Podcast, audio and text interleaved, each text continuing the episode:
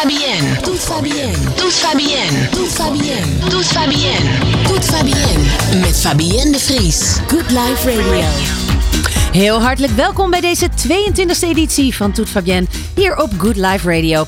Straks hebben we niemand minder dan Carolina Dijkhuizen te gast in de studio. Ja, en deze zangeres, actrice en presentatrice werd vanaf 2001 bekend door haar hoofdrollen in grote musicals als Aida, The Lion King, Sister Act, Dreamgirls en The Bodyguard. Maar in de 90s tijdens haar schoolperiode deed ze al regelmatig mee aan talentenjachten. En halverwege de jaren 90 werd zij gekozen voor de meidengroep Patty Cash. Een initiatief van Patty Bart en producer Hans van Hemert. En met deze groep oogsten ze zelfs buiten Nederland drie jaar lang succes. Hoe kijkt zij terug op die veelbewogen jaren 90 en wat zijn haar favoriete platen uit die tijd?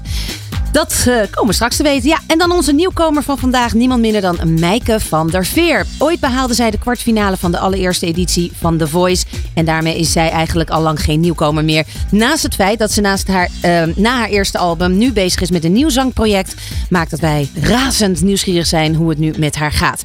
Mocht je vragen hebben aan Carolina of aan Meike, dan kun je die nu doorgeven via een DM op de Instagram pagina van Good Life Radio.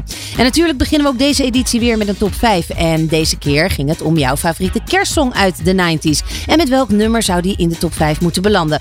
We gaan zo naar de uitslag luisteren, evenals de uitslag van de 90s poll. Waarbij we deze keer de Gamehoek induiken. Wat was jouw favoriete spelconsole in de 90s? Was dat Atari, Sega of Nintendo? Straks hoor je de uitslag. Maar eerst Carolina. Yay! Fijn dat je er bent, lieve schat. Jezus. We gaan straks uitgebreid over van alles over Ja. jou hebben. Want Ja. eh, het feit dat je hier zit. is al heel wat. Is het, nou ja, heeft wat voet in de aarde gehad, maar was Ja. ook al heel lang het plan. Ja. Daarom vind ik het zo leuk dat je er bent. Oh, dankjewel. Ehm, we duiken heel even de 90s in. We zijn zo de, de straat op gegaan om te vragen wat het 90s gevoel is. Maar wat, was, wat is jouw 90s gevoel als je denkt aan de 90s? Waar denk je dan aan? Nou, de 90s is echt mijn middelbare schooltijd. Ja. Dus dat is echt die tijd die je vormt. Eigenlijk als de persoon die je later dan wil worden. En de dromen die je dan hebt. En eh, ja, in mijn geval zijn de dromen die ik had in de 90s allemaal uitgekomen. Kijk, nou, Ja. we gaan het straks horen wat dan precies die dromen waren en welke nummers daar ook aan verbonden zijn. Eh, eerst even kijken hoe het zit met, eh, met de, de man op straat. Of de vrouw. Uh, jaren 90. Um, Die moet heel lang nadenken. Nederland. Voor alle auto's. Dat waren simpel te repareren. Tegenwoordig kan niet. Dan moet je naar de garage brengen. videoclips, felle kleuren, ehm, geen internet, ouderwetse telefoons als je die al had. De popgroepen, Backstreet Boys, eh, Spice Girls, eh, mijn opgroeitijd. Ja. Eh, dat zo denk ik. Heavy hardcore. Ja? Beetje TMF ook gekeken dan? Team F zeker. Ja, ja, man. Ik, ik zat eh, eindeloze uren voor de tv en ook, ook wel de radio. Absoluut. Wie was dan jouw favoriete presentatrice? Ik had maar van één iemand echt een eh, poster boven bed en dat was Fabienne. Ja. Oh my god! Ja, Daan zit mij nu ontzettend uit te lachen. Ik had de Foxpop nog niet gehoord. Ik ga er gelijk van blozen. Oh, nou, hiermee komen we hopelijk wel allemaal weer eh, gelijk in dat hele lekkere 90s gevoel. Vandaar dat we ook jullie gevraagd hebben wat nou hè, in deze tijd. We hebben kerst net gehad. Het nieuwe jaar staat voor de deur. Maar toch nog heel even in die kerstsfeer blijven. Wat was nou jouw favoriete kerstsong uit de top 5? Laten we gaan kijken wat dat was. Doet Fabienne top 5. Ja, die top 5 eh, in deze aflevering van Toet Fabienne staat dus in het teken van kerst. Opvallend is overigens dat er nauwelijks tijdens de kerst in de jaren 90 een kersthit in de top 40 stond tijdens de kerst. De kersthit eh, uit de decennia daarvoor, zoals in de jaren 80, domineerde eigenlijk voornamelijk het kerstgevoel. En dat is, als je kijkt naar de nummers, nog steeds zo. Ja, ik wou zeggen. Op Wham na, want in 97 stond eh, nogmaals in de top 40 eh, met Last, Last Christmas. We gaan naar de nummer 5. This Christmas, Nummer 5.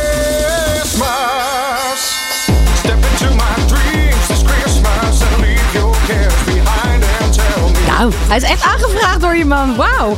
Ja, wie de 90s heel bewust heeft meegemaakt, eh, zal het over de muziek, eh, als, als het over muziek gaat, Happy Hardcore natuurlijk snel benoemen. Hoor nou, deze Maar versie. ik kan me dit helemaal niet eens meer herinneren. Charlie Lonos en Mental Theo. Oh. Ja, die hebben met, eh, nou ja, we wisten de afgelopen decennia eigenlijk steeds aan de top te blijven. Ja. Hè. Hebben afgelopen jaar ook nog een aantal keer in de Ziggo Dome eh, gestaan. Volledig uitverkocht. Ehm, ja, en zij wilden ook niet achterblijven. Dus hebben Ja, je, Als- elke re- zichzelf respecterende artiest heeft natuurlijk... een kersthit. Ja, nou ja, dit was uit 95. Toen maakten zij deze, deze kerstplaat, This Christmas. Nummer fear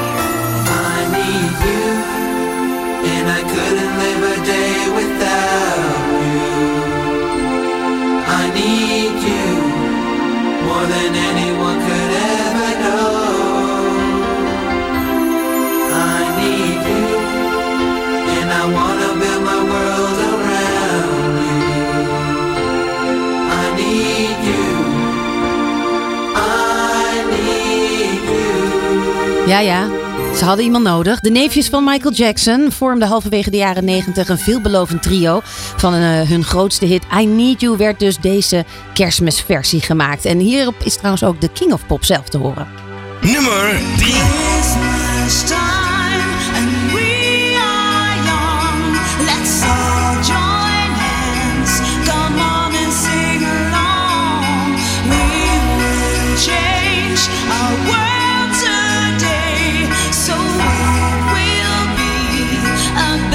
Oh.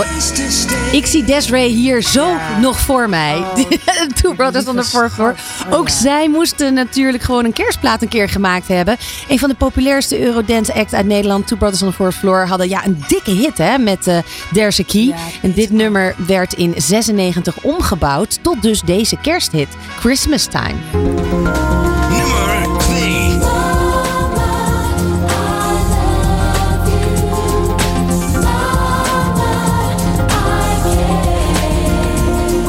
Ja, Mama van de Spice Girls eh, uit 97. Dit was nou typisch zo'n nummer. Werd op een ander moment eh, uitgebracht. In de jaren 90 waren ze natuurlijk de hartstikke populaire meidengroep. Maar dit nummer is geschreven eigenlijk en gaat over de moeilijke puberrelatie die Ja. je hebt als, als kind met je moeder. En was bedoeld voor moederdag. Maar het is opgenomen en uitgelekt al vlak voor kerst. Dus het werd een Oh, dikke, grappig, ja. vette kersthit. Iedereen relateerde het aan de moeilijke tijd voor mensen die misschien hun Ja, moeder waren kwijtgeraakt ja. Ja, enzovoort. Dus vandaar eh, op nummer 2 in onze top 5. De Spice Girls met mama. Toet Fabienne top 5. En dan de nummer 1. Ja, dat kon natuurlijk niet uitblijven. De meeste stemmen gelden. Ik hoopte dat het iets origineels was, maar nee, het hoort er gewoon bij. Mariah Carey natuurlijk met All I Want For Christmas. Een nummer uit 94. Ze schreef en produceerde het eh, voor haar vijfde album, Merry Christmas. Wat nog, nog steeds een van haar meest succesvolle albums is. En tot op de dag van vandaag betaald en wel wordt gedownload. Ehm, ja, zij, eh, het gaat natuurlijk over het samen zijn met je geliefde. En enkele malen werd in de top 40 nog een hogere notering behaald dan in het jaar dat het uitkwam. Oh? Dus ze is eh, toen de tijd in 94 op nummer 5 geëindigd in de top 40. Maar de jaren daarna heeft ze gewoon nog hoger gescoord. En in 2011 is het nummer opnieuw uitgebracht met Justin Bieber. Nou, wij gaan er nu naar luisteren. All I Want For Christmas Is You. Gewoon ook lekker voor de sfeer. Hier is Mariah Carey. Nummer 1.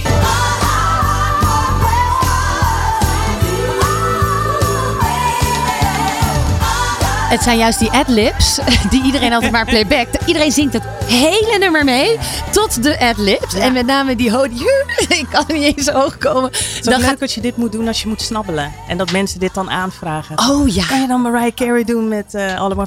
Nee. Dat Nee, niet. gewoon ook nee Dankjewel. zeggen. Maaike kan het wel, maar Carolina doet het niet. Geweldig. Tot zover deze 90s top 5. Volgende keer doen we weer een top 5 natuurlijk uit de 90s. En dan wordt dan de rockband song. De rockband song top 5. Gewoon even knallend, rockend, stoer eh, 2023 in. En denk dan, ja, Guns N' Roses, Aerosmith, Metallica. Dat zijn natuurlijk de grote. Maar vergeet niet ook bijvoorbeeld Hootie and the Blowfish, Collective Soul, Alice in Chain, Nirvana, The Offspring, Red Hot Chili Peppers. Ja, voelen we de 90s alweer? R.E.M., Soundgarden, Counting Crows, Rage Against the Machines. Ik wil ze toch gewoon noemen. Third Eye Blind. Nou ja, Green Day, weet je, dat was ze gewoon niet vergeten, die rockbands uit de 90s. Want je hoort op radio toch vaak ehm, meer de popnummers Ja, uit de inderdaad. 90s. En Nickelback.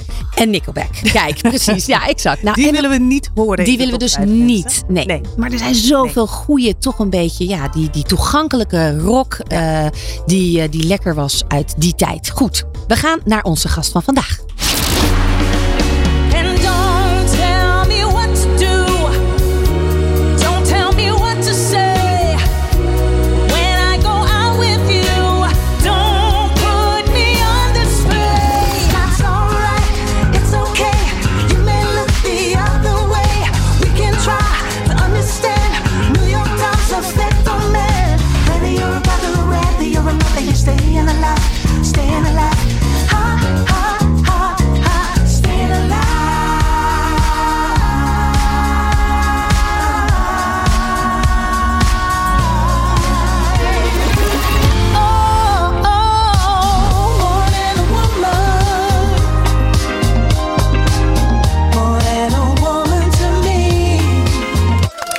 In de afgelopen jaren was er veel te zien op tv in programma's als De Beste Zangers, Expeditie Robinson en Wie is de Mol. En twee jaar geleden zagen wij elkaar bij De Wereld Draait Door om te praten eigenlijk over onze gezamenlijke kennis en misschien een pizzie-adoratie over de Spice Girls. Ze is lief, ze is knap, ze is grappig en ze is ook nog eens super getalenteerd. Eigenlijk super irritant als je het allemaal zo opnoemt. maar wat ben ik fan van haar stem, haar uitstraling, haar Instagram dansfilmpjes en haar fantastische extravagante première outfit. Applaus voor Caroline Dijkhuizen! Wauw, ja. Twee jaar geleden, hè? Toen begonnen. Maar is dat alweer twee jaar geleden? Zeker. Toen was ik net begonnen met Toet Fabienne op de radio. Toen zei oh, ik wil een keertje langskomen. Toen zei ik, dat gaan we regelen. Ja, want jij hoort ook bij mijn 90s. eh, Jouw 90s gevoel. Throwback gevoel, ja, zeker. Jij was eh, inderdaad, nou, ik was zelf ook nog eh, net tiener af hoor, wat dat betreft. Hoe Dus, oud was jij toen? eh, 21 toen ik Jeetje, startte. echt waar? Oh, ja, en de doelgroep was 13, 19. Ja. ja, dus ja. Ik, ik kwam zelf ook net eigenlijk van school. Sterker nog, ik ben mijn opleiding gestopt om te beginnen bij TMF. Oh, dat was ook geen slechte keuze. Eh, nee, uiteindelijk niet. Uiteindelijk niet. Maar ehm, we gaan het over jou hebben. Want eh, je gaf net al aan, wie was jij in de jaren negentig? Een schoolganger Ja. op dat moment. Ja, ja. Ehm, in de 90s. En, en, en jouw dromen.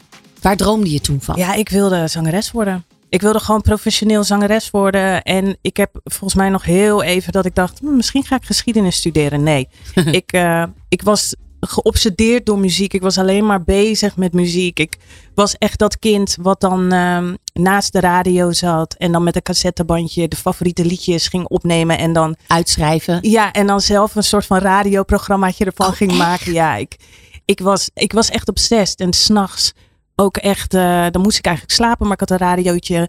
En dan ging ik onder de dekens, ging ik ook gewoon candlelight en zo. Oh, echt? Ja, ja, ik ben echt een nerd. Ja, maar dat ging ik ja, echt luisteren. De jaren negentig was ook wel een heel mooi eh, decennium waarin heel veel kon en Ja. heel veel eh, nog een beetje een soort van last minute gevoel. Weet je, we, gaan- oh, we gaan bijna deze eeuw uit. Ja, ja, ja. Hoe En- heb jij dat ervaren? Nou, ik vond het gewoon heel ehm, opwindend. Eigenlijk een hele opwindende tijd. Want je had, ehm, je had de breakout, je had de hitkrant, je had TMF en eh, MTV. Het, er gebeurde gewoon heel veel. En ehm, het is inderdaad wat je zegt van, ja, eh, er kon zoveel. De, de, de mogelijkheden van dat we dachten, oké, nu leven we in de 90s, maar we gaan naar de zeros. En Ja. Dan, eh, dat is de toekomst. En dan Prince met dat nummer. Party Ja, like it's 1999. 1999, Weet je, ja. dat, dat, dat was gewoon steeds zo'n nummer. Dat je denkt, ja, weet je, dat, dat- En dat iedereen ook nog echt dacht van, oh my god, als de zeros komt, dan, dan vergaat de wereld. ja, ook Dus dat. het voelde ook een beetje van, we moeten het nu allemaal doen, we moeten het nu beleven. Ja. Als je denkt aan hoe je er toen uitzag. Oh, vreselijk. Oh, als ik nu op terugkijk, denk ik echt, mijn gunst. Maar volgens mij is dat het leuke van terugkijken naar die dingen, dat je denkt, oh, de stijl, hoe ik mijn haar had, mijn kleding. Vertel eens, hoe zag je eruit Ja, toen? ik heb oprecht een tijdje gedacht, ik zei het ook al bij op één, dat ik Mel B van de Spice Girls was. En ik, weet je dat we allemaal op die lelijke plateau dingen, die nu weer helemaal terug Ja, zijn. ik wou net zeggen, je ziet Op die plateau dingen en dan crop tops. En toen kon het nog, toen was de buik nog plat. En En jij had, jij had, jij had, nou, jouw buik is nog steeds. ik hou hem in hoor, ik hou hem de hele tijd in. het is radio. Je mag ontspannen. Ah ja, ik laat je hem mag los, ontspannen.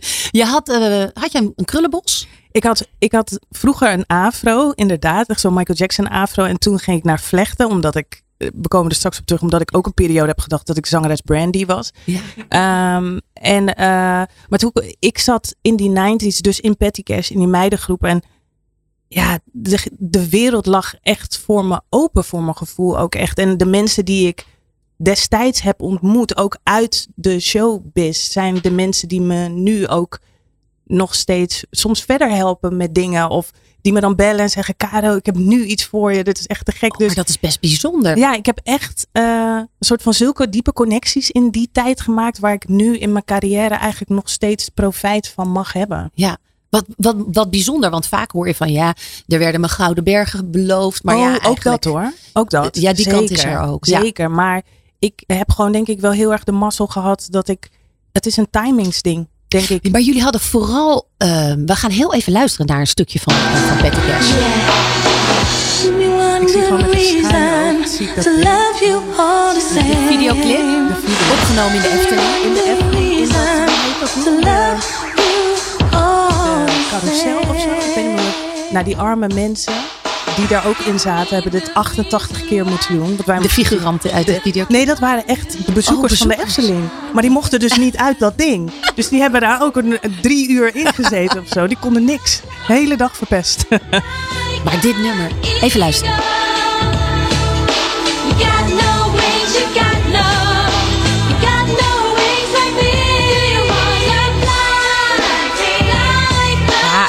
Ik weet het echt nog als de dag van gisteren. Het is zo grappig, omdat het ook wel... Weet je, het, tikt ook wel eh, bepaalde dingen van de Spice Girls aan. als je daar wij- luistert ja, naar het liedje. zeker. Maar eh, door Patty dus eh, geïnitieerd. Ja. Samen met Hans van Hemert. Eh, jullie zijn veel in het buitenland geweest. Hoe was dat? Ja, ehm, nou, het was wel grappig omdat we eigenlijk meer succes hadden in het buitenland dan in Ja. Nederland überhaupt. En we hebben zulke te gekke dingen gedaan. We hebben headliner geweest op Sicilië op een mega groot festival. We hebben gewerkt in Duitsland met eh, de producers van de Backstreet Boys. We hebben zulke toffe dingen gedaan. We hebben een wedstrijd gewonnen, een soort girlgroup wedstrijd in Engeland. Ehm, En dan ben je op zo'n moment ben je 16, 17, 18 jaar. Ja. Hoe ervaar je dat dan? Heb je er echt van kunnen genieten toen? Ja, met echt letterlijk met volle teugen. Ik, ehm, ik weet nog dan, ehm, ik had een speciale regeling ook op school. Dus dan soms moesten we naar koffietijd of we moesten naar TMF. Of, dus dan mocht ik door de week vrij. Maar in het weekend hadden we allemaal optreden staan. Dus ik weet nog dat ik echt als een zombie door de week ging. En dat ik gewoon school, dat deed ik. En dan verstand op nul. En dan in het weekend leefde ik echt op. Ja. Omdat ik dacht, oh, dit ga ik toch voor de rest van mijn leven doen. We gaan eh, naar jouw eerste favoriete plaat eh, luisteren. Brandy. Ik was heel blij dat je want ik was ontzettend. ja, ik hield van al die R&B-artiesten. Was Ja. ook echt zo jaloers op Sylvana dat zij dat programma had. Maar goed, dat terzijde. En, en, en dus ik luisterde heel veel naar dit soort dingen. Ja. Maar wat doet Brandy met jou? Wat was het? Nou, het ding van Brandy was dat op het moment dat zij uitkwam met I Wanna Be Down, was zij 15. Ik was ook 15. En dat was de eerste keer. Ik, ik luisterde naar Whitney en naar Diana Ross en eh, Donna Summer. Maar dat was de eerste keer dat iemand van mijn leeftijd dus een plaat uitbracht. En toen dacht ik. Naast de Alia's ook, hè? Van Ja, dat, dat kwam, dat kwam volgens mij iets later. Maar, en zij leek ook op mij, voor mijn gevoel, kon me echt spiegelen aan haar. En toen dacht ik, oh, het is dus mogelijk om als jong persoon ook eh, professioneel in muziek te zijn. En echt exact een jaar later, toen ik 16 werd, had ik een platencontract. Kreeg je dat? Ja. En I Wanna Be Down. Ja, is lekkere groove natuurlijk. Ja. Maar waarom dit nummer? Ehm, ik was geobsedeerd door Brandy. Zij kwam uit, haar stem, haar look, die vlechten, alles. dus ik, eh, wat ik zei net al, ik heb echt gewoon Ja, serieus een periode gedacht dat ik Brandy was. Ik kopieerde al haar kleding uit videoclips, haar haarstijlen. Ik heb het, ja, ik heb het gewoon allemaal, eh, Ja. Allemaal gedaan, allemaal gehad. Zullen we gaan luisteren? Ja, lekker.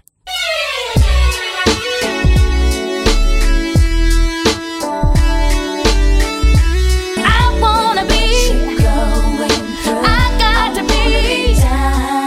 I wanna be down with you. Down with you. Ja, Brownie hoorde je met I Wanna Be Down. Een van de favoriete en belangrijke nummers in het eh, leven van Carolina. Je hebt haar ook live gezien? Ja, ja, belachelijk. Ik was ook zo nerveus. Omdat ik dacht, oh my god, ik hoop gewoon dat ze leuk is. Want ik ben geobsedeerd door haar. Dus ik hoop gewoon dat ze leuk is. En ze was alles. En Weet je hoe het nu met haar gaat? meer. Ja, ze treedt nog steeds op, brengt nog steeds. eh Ja, het is nummers gewoon nog uit. artiest. Ze is echt nog gewoon. eh, Ook een jaartje ouder. Ja. Ja, ja. Nou is er zoveel wat jij gedaan hebt. Gezongen, ge- ge- geacteerd, eh, musicals, presentatie. Echt, als je jouw cv leest, ja, daar kunnen we echt nog twee uur zeg maar gesprek mee vullen. Maar ik heb twee DM's gekregen die misschien dat wel enigszins kunnen na, eh, of, eh, samenvatten. Eentje is van eh, Yvonne van der Meer. Ehm, zit er nou een wezenlijk verschil tussen optreden als zangeres of als hoofdrolspeelster in een musical?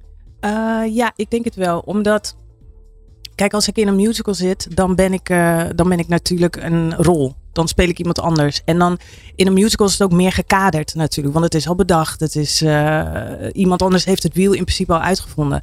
En als ik gewoon als mezelf sta, dan ben ik gewoon Caro. En dan eh, kan ik in principe doen wat ik wil. Ik denk alleen wel dat de essentie van zingen is dat je een verhaal vertelt en dat je een emotie overbrengt. En dat is of ik dat nou in een musical doe of in eh, gewoon bij een. Dat is de gelijkenis. Dat Ja. moet wel de gelijkenis zijn, denk Ja, ik. Ja. ja. Ehm, ja, want dat hele acteren. Jij wilde, je wist dat je wilde zingen. Maar Ja. daar is dus door musical komt daar dan ook acteren bij.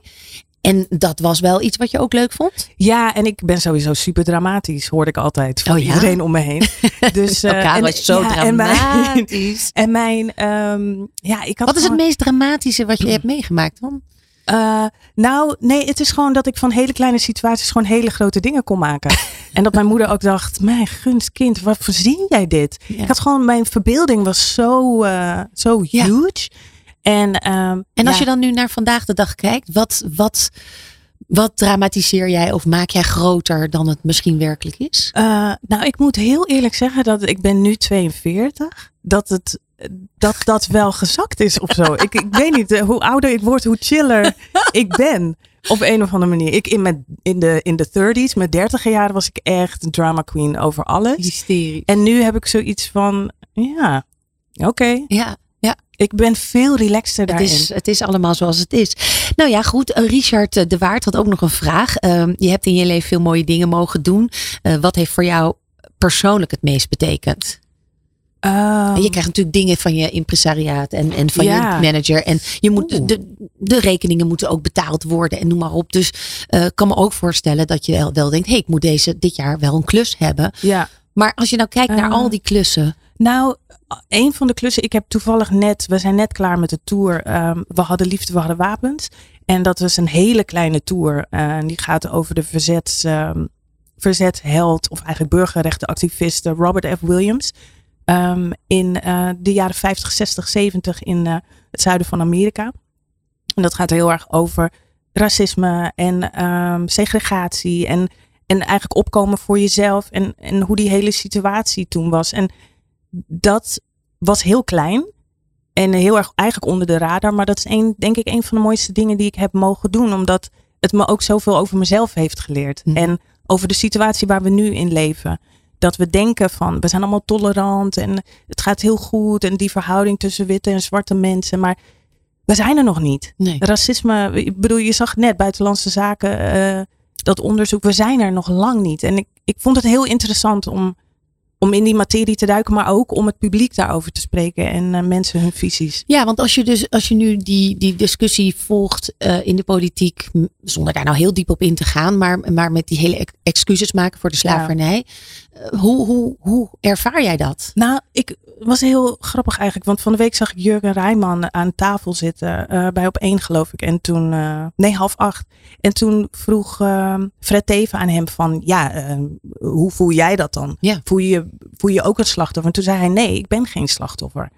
Ik voel me ook geen slachtoffer daarin.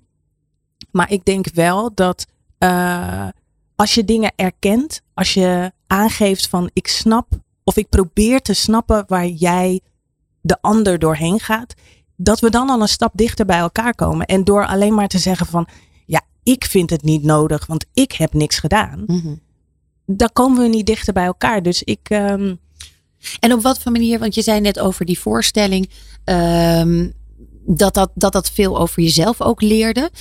Wat heb je daaruit gehaald? Nou, meer over, ehm, eh, over hoe je als. eh, kijk, ik ben. We worden het een heel lang verhaal, maar ik ben geadopteerd. Dus ik heb witte ouders, maar ik ben wel een zwarte vrouw in een witte westerse maatschappij. Dus het, het gaf mij ook een soort van spiegel Mhm. vaak over ehm, mijn eigen privileges die ik zelf heb. Ondanks dat ik ook zwart ben, maar de privileges die ik ook heb door het gezin waar ik ben eh, in opgevoed.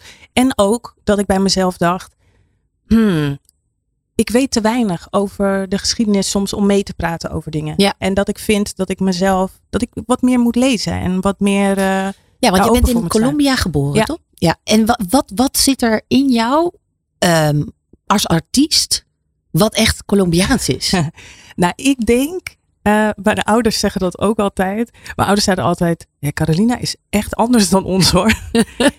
er is een bepaald soort vuur of zo. Een bepaald soort voor, ook die liefde voor, voor muziek, voor, ja, ik weet niet. Ik herken hem wel bij Jody Bernal bijvoorbeeld. Die is volgens mij ook Jody is ook eh, Colombiaans. Ja. Ja, daarin gewoon dat dat, dat ritmes en maar dat dat tot in de vezel Ja. zit. Ja.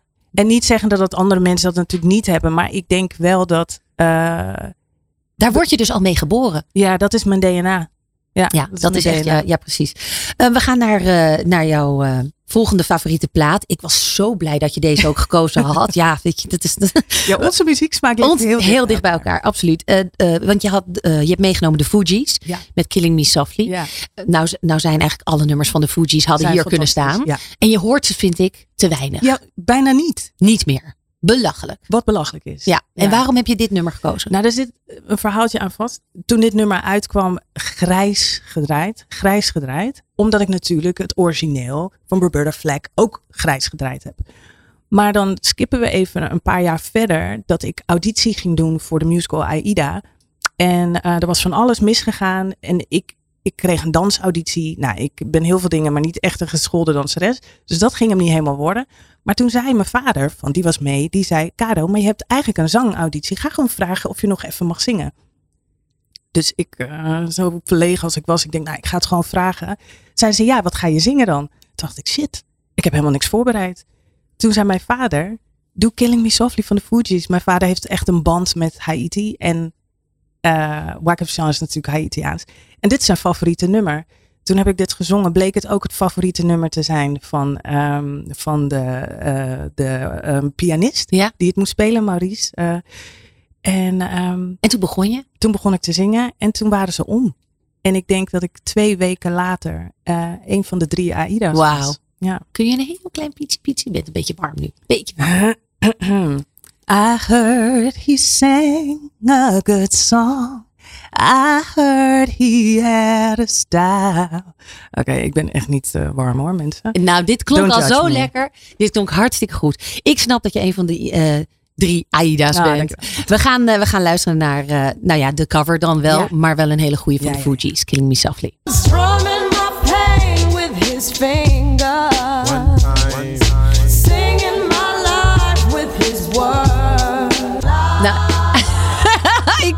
Ik, wilde, wilde ik dus heel enthousiast meedoen. Ja. Normaal doe ik dat in de auto ook. Maar nu voel ik me toch met twee zulke goede zangeressen in de studio. eh, eh, hoorde je dat ik eigenlijk mezelf eh, direct afkapte. Want dat is zo'n lekker stukje aan het einde. Om dan even mee te doen. Maar goed, ik schaam me nergens voor. Schaamteloos, die Fabienne. Anyway, de Fugees hoorde je dus met Killing Me Softly. Ehm, ja, Caroline, jij... Moet je, blijf je erin? Nee, ik, Nee. vind het, ik snap hem gewoon heel goed. Ja, je snapt hem. En ik vind het ook leuk dat, je, dat jij bijna openschoof. En dat zij dan gewoon vol Ja, dat- ja, ik was echt... Ik, Heerlijk. ik kapte mezelf echt zo af toen ik zag dat die schuif open ging. Nee, dit is niet voor andermans oren. Goed. Ehm, jouw toekomst, of in elk geval hetgene waar je nu mee bezig bent. Je hebt net eh, met René van Koten. Ja, ik eh, was eh, gastartiest bij René van Kooten, zijn, ehm, zijn solo show. En ehm, ja, ik, ik ga eerst even lekker op vakantie. Ja. Want het was, het was zeker na corona best wel weer een heel druk jaar. En eh, volgend jaar staan er weer een aantal hele leuke dingen. Ik, ja, Je mag het nog niet zeggen. Nee, ik mag het nog niet zeggen. Echt niet? Ik ga in ieder geval eh, een film draaien weer. Daar ben ik heel blij mee. Wordt heel leuk.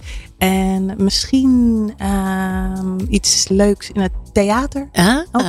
En heb je nou nooit de behoefte om ook eigen zangmateriaal, gewoon eigen nummers? Ja, ja en nee. Soms heb ik opeens dat ik denk, oh my god, ik ga een heel album schrijven. En soms ook helemaal niet. Ik Nee. weet het niet. Nee. Misschien komt het nog. Ja, je Ik doet zoveel verschillende dingen. Dat is al zo dynamisch genoeg. Dat, hè, dat eh, ga daar lekker mee, mee door. Zeker. Het is echt altijd. eh, ik, ik moet dat zo. En er is nog één dingetje wat ik wil delen met de luisteraar. Sorry. Ik denk altijd als ik naar Carolina er filmpjes op Instagram kijk. Denk ik, jeetje Mina, welk filter gebruikt zij? Want zij heeft zo'n mooie zachte huid. Maar dan zit ze hier naast me en denk ik, er is helemaal geen filter. ja, dit is echt Nou, zo'n me. prachtige huid. Dit is, eh, dat is Er wel om jaloers op te zijn. Nou, Maar dankjewel, dankjewel. ja, ehm, we gaan naar de 90s poll, dames en heren. Jawel, de vraag was: wat was jouw favoriete spelconsole in de 90s? Was dat Atari, Sega of Nintendo? Ja, in deze tijd van technologie zijn we eigenlijk ongelooflijk verwend geraakt. Ondertussen weet iedereen namelijk wel dat PlayStation, Xbox, Nintendo. Maar hoe was dat nou vroeger?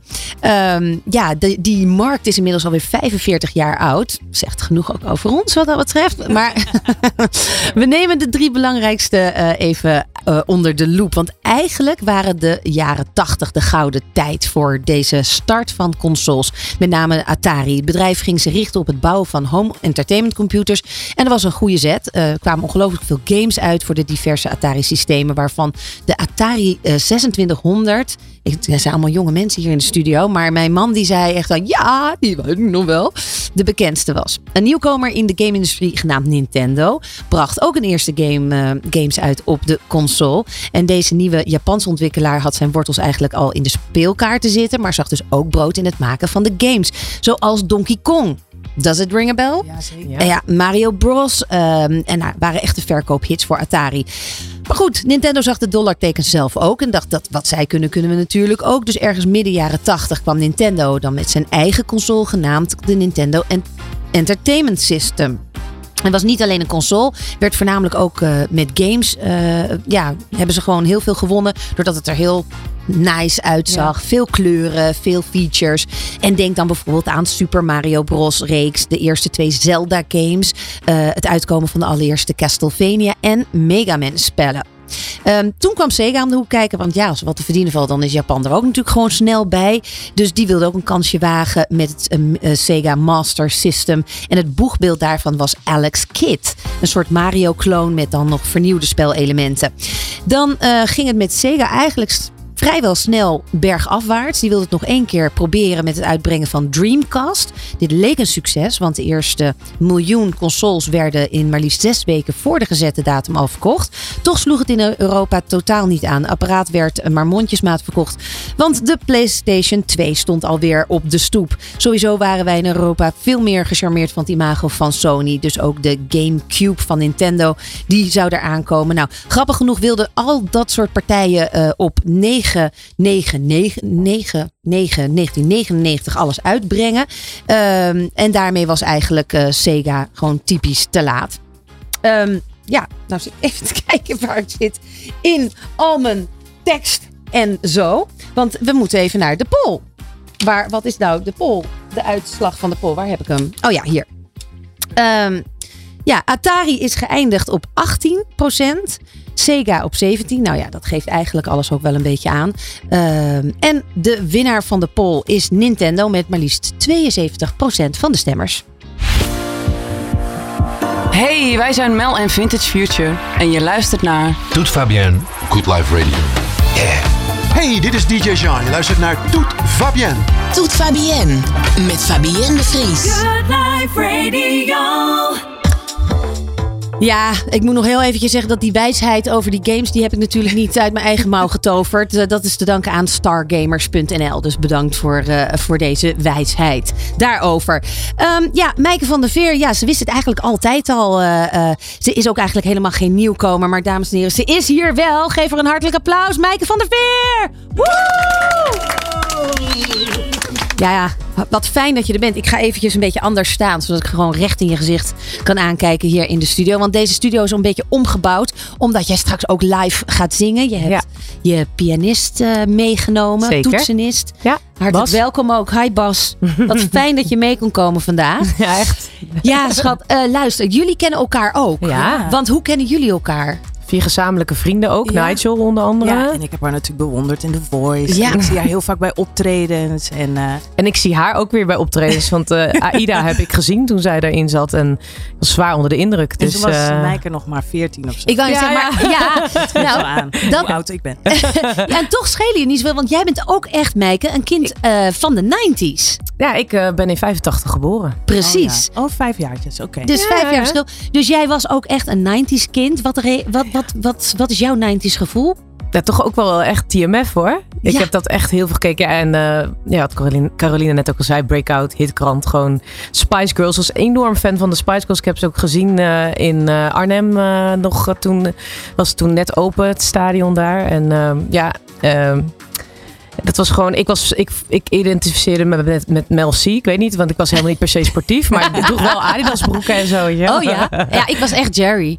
Ja, dat ja, snap ja, ik. ik wil nog steeds Jerry zijn, eigenlijk. Ik zat foto's te kijken van jou van vroeger. En jij had je haar dan blond met dat donker. Ja. Ik ben dus naar de kapper geweest. Om en ik heb dat laten- kapsel gehad. Zal ik je vertellen hoe ik op dat kapsel kwam? Nou. Ehm, mijn vader was altijd nog wel van dat hij zei van ja, weet je, doe maar lekker extreem. Die wilde ook, vond het prima als ik het aan één kant kort, andere kant lang. Die hield wel ja. van dat soort uitgesproken dingen.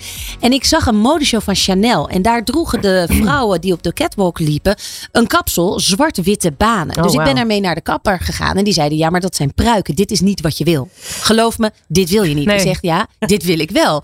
En toen, zei, toen hebben ze uiteindelijk gezegd, nou oké, fijn, dan gaan we het doen. Maar dan doen we met iets natuurlijkere tinten. Ja, Dus we doen een bruin. koper. Bruin. Nee, nee, Ja, een koper, Oh, ja. een aubergine en een blond. Dus het waren drie kleuren Oh, die als banen in mijn haar zaten. En eh, daar hebben we uiteindelijk nog een, eh, een award ook mee. Ja, een color award. was echt de Nederlandse Trend. Jennifer Aniston. Ik wou net zeggen, de Rachel. Het was de Rachel. Ja, ik zou het net zeggen. Ja. Er ook nog een grappig verhaal over. Want mijn grootvader die hield alle foto's uit de bladen bij. En daar heb ik dus boeken van. En er zit dus op een van die pagina's een grote foto van Jennifer Aniston tussen. Omdat hij dacht dat ik het was. Ja, dat ik. Dat vond ik zo schattig. Oh, dat is wel heel cute, ja. Maar goed, terug naar Mijke. Want ehm The Voice eh, heb je gedaan. Een van de eerste. De Dat was- allereerste. ja, dat was in?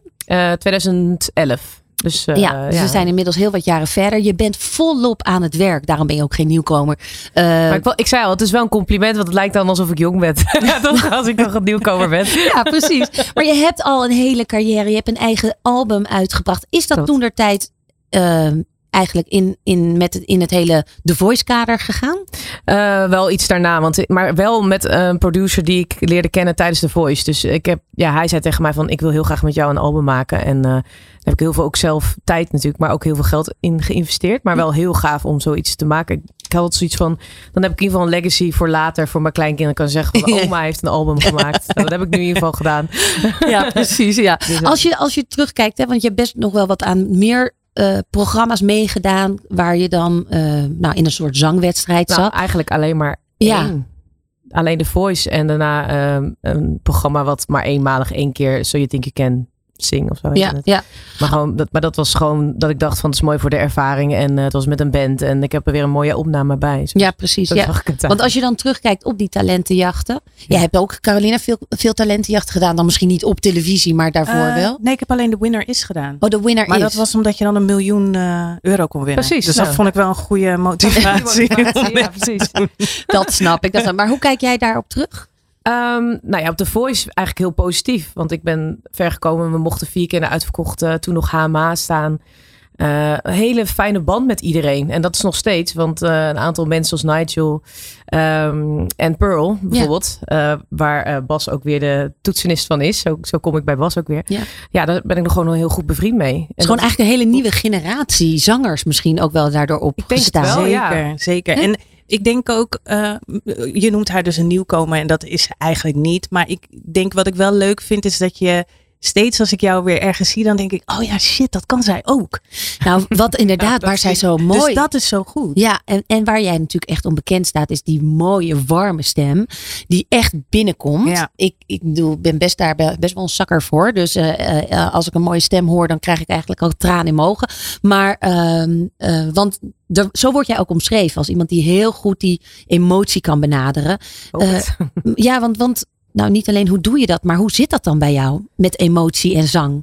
Nou, dat is wel gekomen omdat ik eh, een aantal eh, heartbreaks heb moeten krijgen. Om dan misschien dat echt te kunnen voelen. Dus dat, dat is ook wel in die tijd van eh, mijn albumopname geweest, onder andere. En dat merk ik wel door de dingen, ja, gaandeweg, ervaringen die je opdoet, die niet altijd leuk zijn. Dan kun je wel veel meer bij die emotie komen. Ja. En nou ja, wat al over dat ik ehm, ook in de coronatijd eh, heb ik heel veel gezongen. Echt eh, kleinere intieme setting, zeg maar, bij mensen eh, voor de deur. En wat, wat dan wel mogelijk was. Dus een persoonlijke noot. En dan, ja, dat, daar heb ik wel in gemerkt dat dat ook wel goed bij me past. We hebben even een kleine compilatie van jouw album. I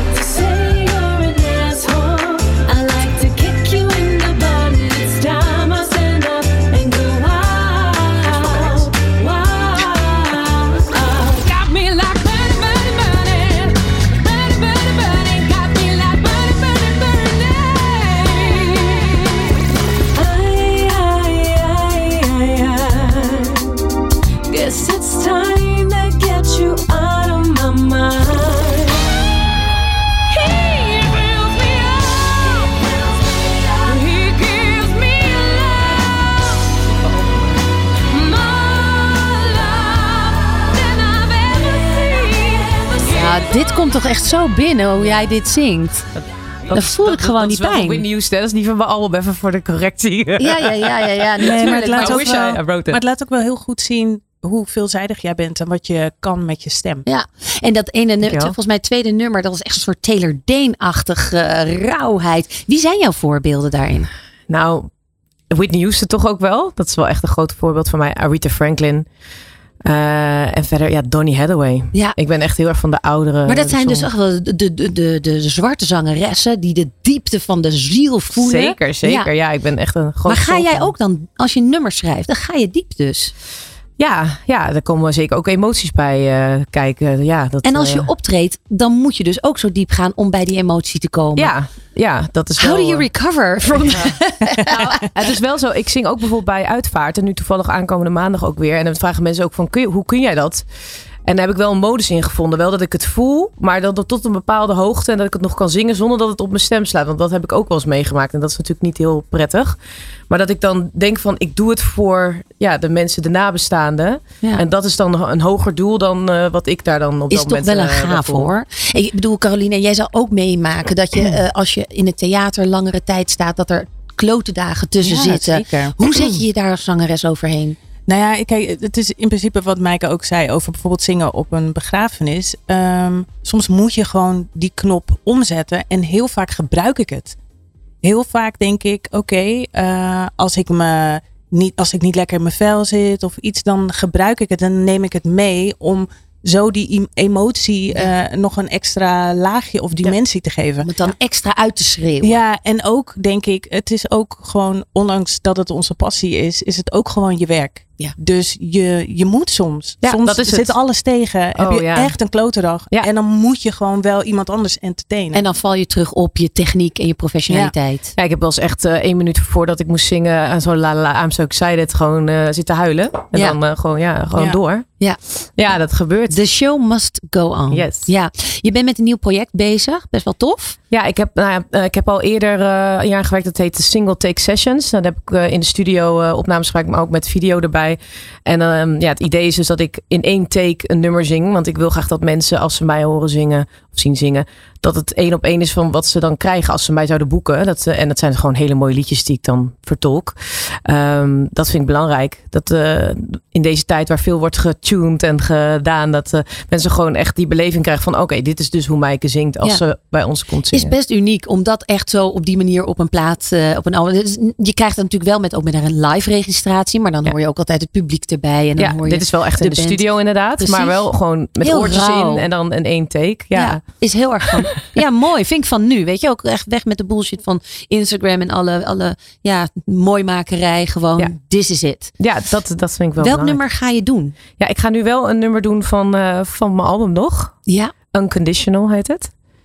En dat gaat over? Ja, onvoorwaardelijke liefde. In dit geval had ik het geschreven eigenlijk vanuit mijn ouders voor mij. eh, of dus de liefde die ik ervaar van mijn ouders. Maar ja, het kan dus ook voor je kind zijn dus. Ja. Of voor je geliefde. Ja, de, de onvoorwaardelijke liefde die je kan voelen. Mooi. Ja. Nou, we gaan naar je luisteren. Ga lekker voor de microfoon staan. De zangmicrofoon in deze.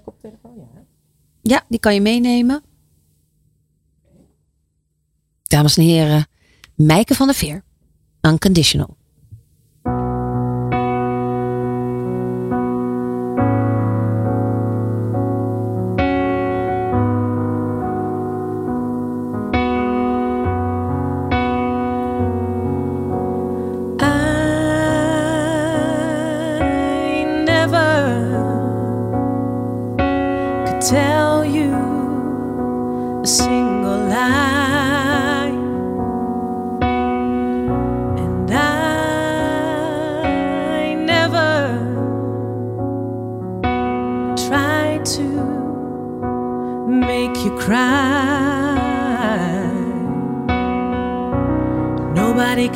Us apart.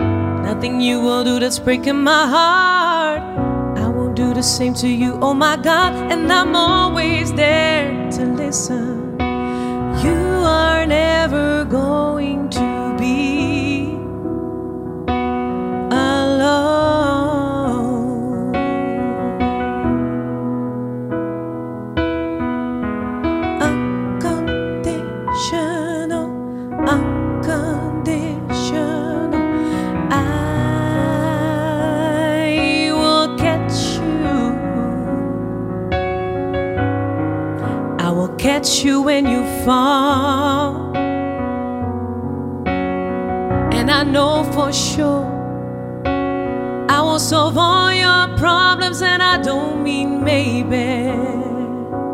Yes, I will do anything. Nobody can tear us apart. Nothing you will do that's breaking my heart. I won't do the same to you, oh my God. And I'm always there to listen. You are never going to be alone.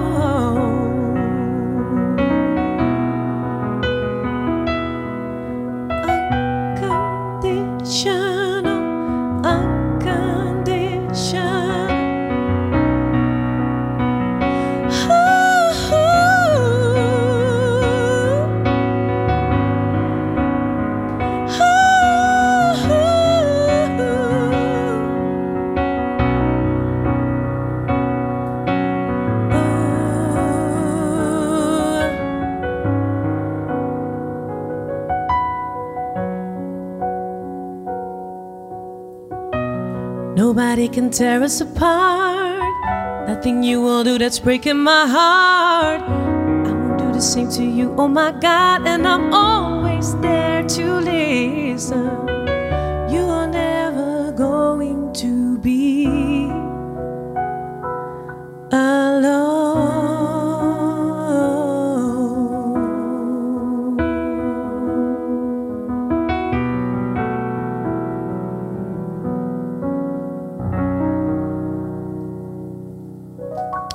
Wauw, prachtig. Oh.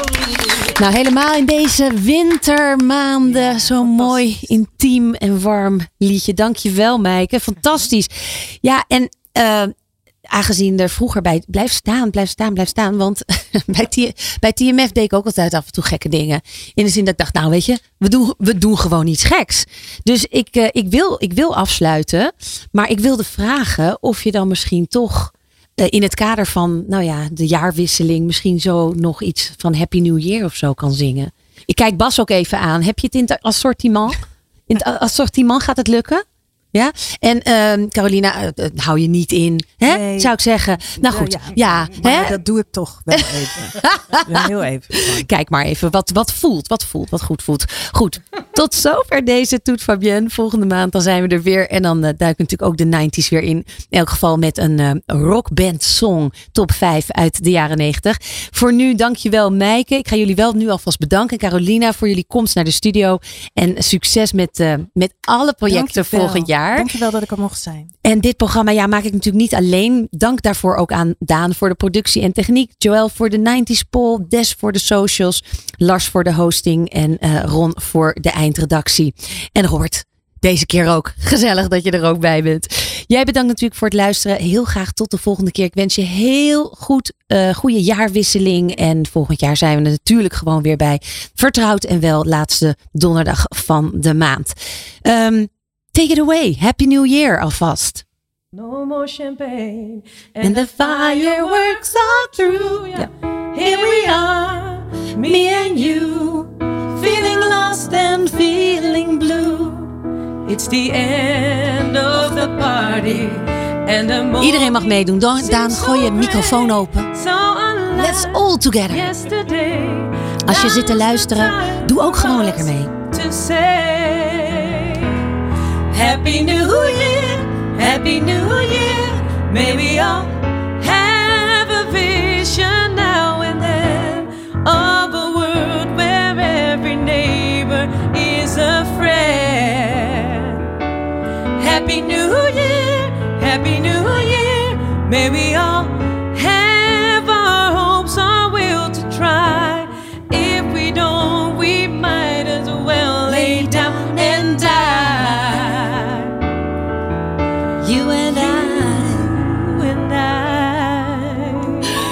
Dat is leuk. Zo moet een improvisatie zijn. Dankjewel. Nogmaals bedankt voor het luisteren en heel graag tot volgende maand. Good Life Radio. Jouw lifestyle radiostation. Good Life Radio.